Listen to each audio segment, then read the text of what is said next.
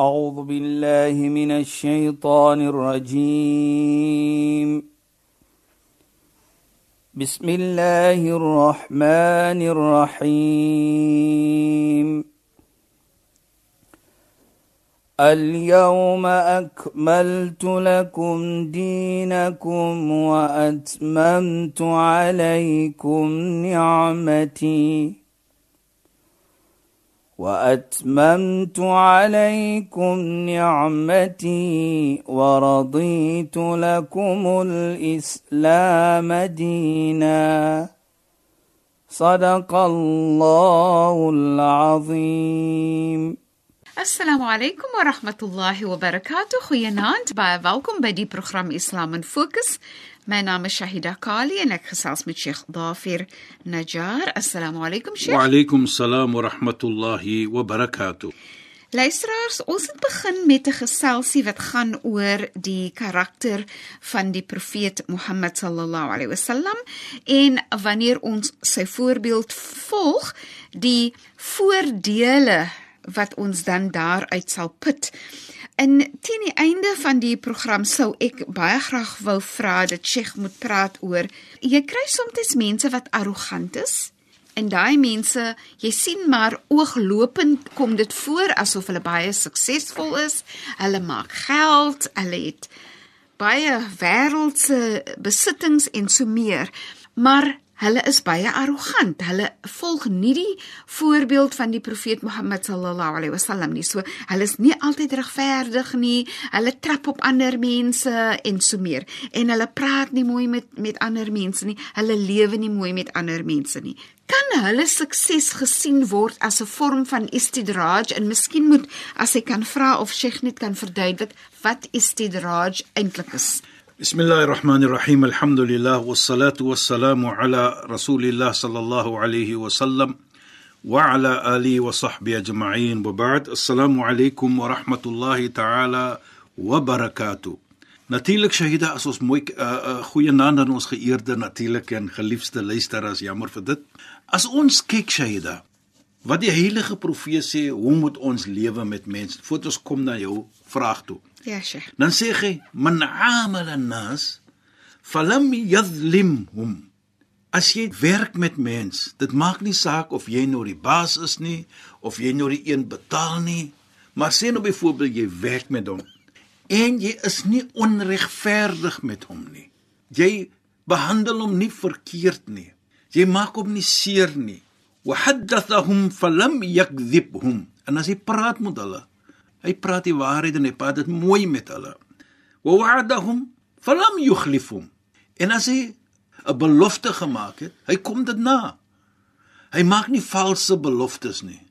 So mens, sê die heilige profeet, hy is 'n persoon wat volkoom gemaak het sy laat ek sê sy manhood. Daardie iets is nog volkoom van hom wanneer weet om mens regverdig te behandel. Mooi met respek en so aan. En die dit sêde en luisteras, dhahara adalatuhu, sy regverdigheid dan word gesien deur hy so met mens praat en so met mens behandel. En so 'n mens sê die heilige profeet, moet jy respek. Nou dit gaan nie hier om geld nie. Dit gaan nie hier om die posisie nie. Dit gaan om hoe jy mens moet hanteer so jy nou daar sê Shahida dat die persoon hy's arrogant. Hy's onregverdig. Maar hy het geld, hy het posisie en hy maak net mense seer soos hulle sê left right and center. En hy is nogal bietjie boosvol ook dat hy het nou hierdie posisie of hierdie geld. En dis mos baie om gesê ken jy vir my? Wat ja, bedoel? ja, Dis mos nog geld of so iets van die aard. Weet jy wie ek is? ja, ja, ja. So 'n persoon en jammer om dit te sê, praat Allah subhanahu wa ta'ala in die heilige Koran. Nou daardie persoon sê nou vir homself, as ek nie reg is nie of ek is nie dit of dat ja, nie, ja, sure. dan sal Allah my nie hierdie geld gee. Presies so. Da, hulle hulle glo. Maar ja. daar's mos iets wat hulle sê jy begin jou eie leuns te glo. Jy is onregverdig. Jy is dit en jy's dit, maar jy het alles wat die wêreld wil hê. So iets sê Allah, nastadrijuhum min haythu la ya. Ons gee vir hulle die straf van istidraj. Nou die straf van istidraj is wat? Jy's 'n onregverdige persoon. Jy behandel die mense mooi nie, maar jy die wêreld. So Allah gee dit vir jou sodat jy jou verder kan hang soos ons sal sê. Nou dit is 'n sware iets. Want nou begin jy nie sien wat jy verkeerd doen nie. So later voel dit nie vir jou dat jy 'n rede het om te wil verbeter nie. Presies. Nou jy het die kans om te verbeter. Jy het die kans om terug te kom. Maar jy hang jouself deur Allah vir jou gee dit. Vat, vat, vat. En so raak jy blind vir die opregtheid, vir die waarheid en om mense mooi te behandel. En jy glo jouself dat ek is reg. Ja, Sheikh. En dit is 'n sware uh, straf. Straf. Dis 'n sware straf dit. Dit is so. Want ons is beveel om mooi te wees met mense. Dit maak nie saak wie in die ander kant is nie. Jy weet dat as ons net kan sien hoe regverdig ons moet wees. Nou as ons praat van regverdig, nou praat ons in alle omstandighede. Ons praat van mooi praat.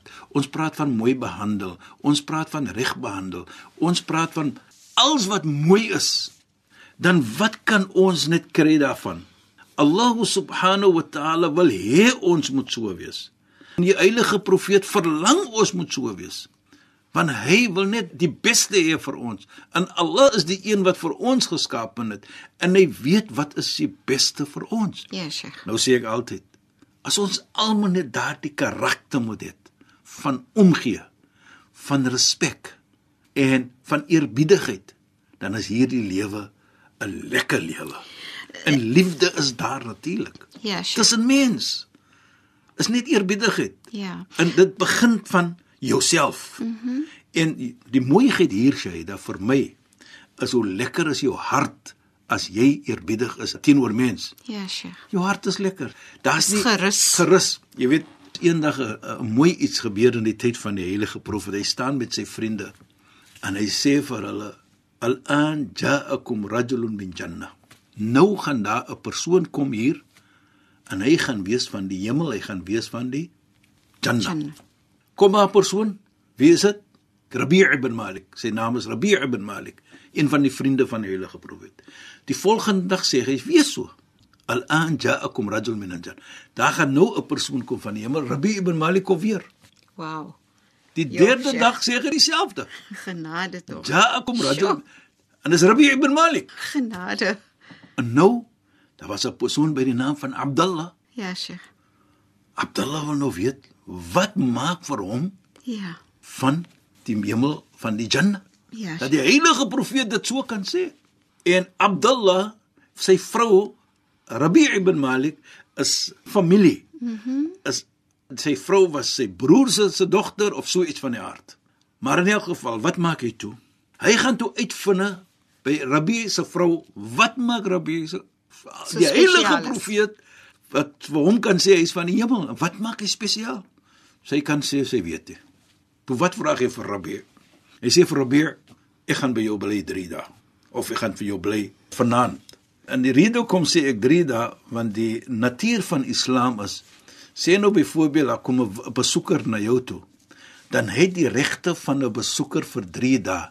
Na die derde dag is hy pad van die familie nou kan hy maar nou. Ek sê hy bly so lank soos hy wil bly nie, maar nee, nou is hy nie so spesiaal meer soos hy eers gewees het nie. O my genade. Ja, maar elk So 3 geval. dae is hy 'n gas. Drie dae is hy nou die gas. Nou moet jy nou vir hom bedien en alles nou By die natuurlik. 4de dag moet hy borde oppas. By die vierde dag was hy die woord op. In elk geval, toe wat maak hy? Slaap die aan by Rabi'. Abdullah slaap by hom. Mhm. Mm en hy wil nou weet wat gaan aan. Maar Abdullah staan nie op nie. Hy doen niks spesiaal nie. Die volgende oggend, hulle twee staan op en hulle gaan moskee toe. Die oggend wat ons weet vroegoggend. En hy sê vir hom weer toe, kyk, vanaand gaan ek weer by jou kom slaap. En hy slaap weer selfde. Niks het spesiaal wat ek kan sê. Het hy opgestaan, heel nag miskien Ja, gelees die Koran of heel nag dit gedoen wat goed is of dat nie. Nee, hy slaap. Volgende oggend gaan hy weer moskee toe. Selfs met die derde aan, hy sê ek wil weer vanaand slaap met jou. Nou is die besoeker tyd mos nou klaar. Toe vra hy vir hom: "Wat is daar wat jy doen dat die heilige profeet dit kan gesê het?" Ja, Sheikh.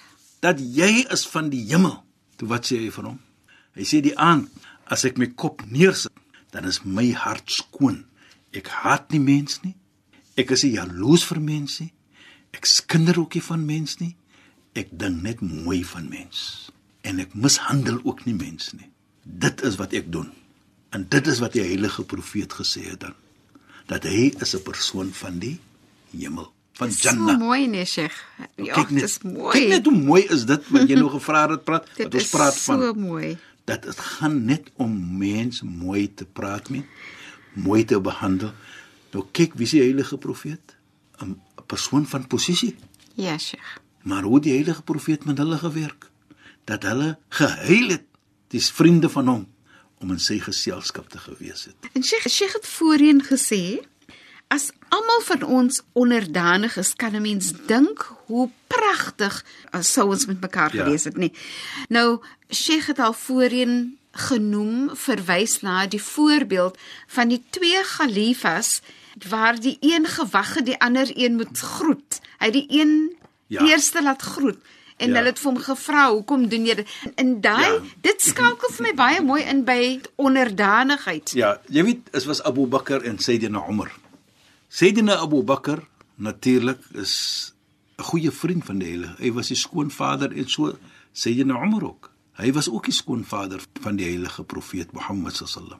Nou Sayyidina Umar, deur die respek wat hy getoon het vir Sayyidina Abu Bakar, het hy nooit eers gegroet vir Sayyidina Abu Bakar nie. Sayyidina Abu Bakar het altyd eers vir hom gegroet. Toe was daar gevra vir hom. Nou om die storie kort te maak. Ja, Sheikh. Toe was daar gevra vir hom. Hoekom groet jy nooit eers vir Abu Bakar nie? En hy sê die respek wat ek het vir hom. Want die heilige profeet het gesê: "Khairukum man abda'u bis-salam." Die beste van julle is dat die eerste groet. En ek weet Sayyidina Abu Bakar is beter as ek. En deur dit wil ek dit bewys Dis vir my so mooi respek en storie. die mooiheid wat ek het vir hom. En dit is wat ek nou sê, wat soos hy nou sê, dat ek nooit eerste voel, man, ek weet hy's beter as ek. Is dit nie pragtig nie? Huh? Genade, dit was vir my 'n so mooi storie, Sheikh. Ek Ja. het net gedink dit skakel so mooi in by hy was so onderdanig en hy het so homself gesien as die mindere teenoor die ander Khalifa, pre- presies. So daar was niks arrogansie nie dat Ja. hy die die ander persoon soveel geëer het. En om te sê natuurlik, hy's die beste. Ja, hy's beter as ek. Ja. So hoekom moet ek nou eers te groet? Ek wil hê Hy moet die beloning hy kry. Moet, hy is natuurlik die beste, hy's beter as ek. En ek dink dit is so mooi waar hy ook gesê het Ya laitani sha'ratu ala Abi Bakr. Hoe verlang ek net om 'n haartjie te wees op die bors van Abu Bakr. Nou dit is respek. Dit is nou onderdanigheid.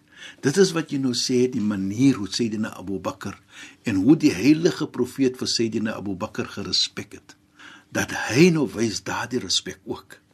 Die onderdanigheid en die mooiheid. En Sayyid Sayyidina Umar was 'n respekvol man in die gemeente. Hy was 'n sterk man in die gemeente. Maar kyk net hoe eerbiedig is hy deur om dit te gesê het. Ek weet Sayyidina Abu Bakr is beter as ek. En ek is bang as ek hom gaan groet. Eerste, dan gaan daardie gesegde van die heilige profeet wat hy sê die beste van julle is wat eerste groet.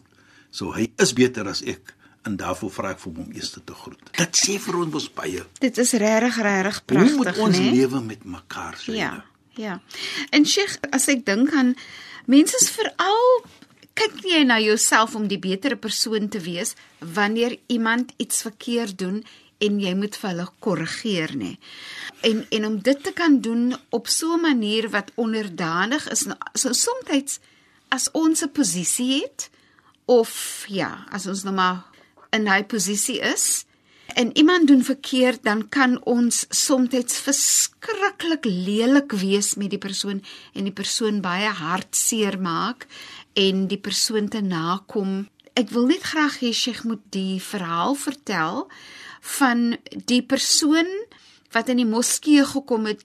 En Ja. Nou kyk die die profeet Mohammed sallallahu alaihi wasallam is die leier Ja. en hy het natuurlik 'n hoë posisie onder die ander mense en onder sy vriende ja.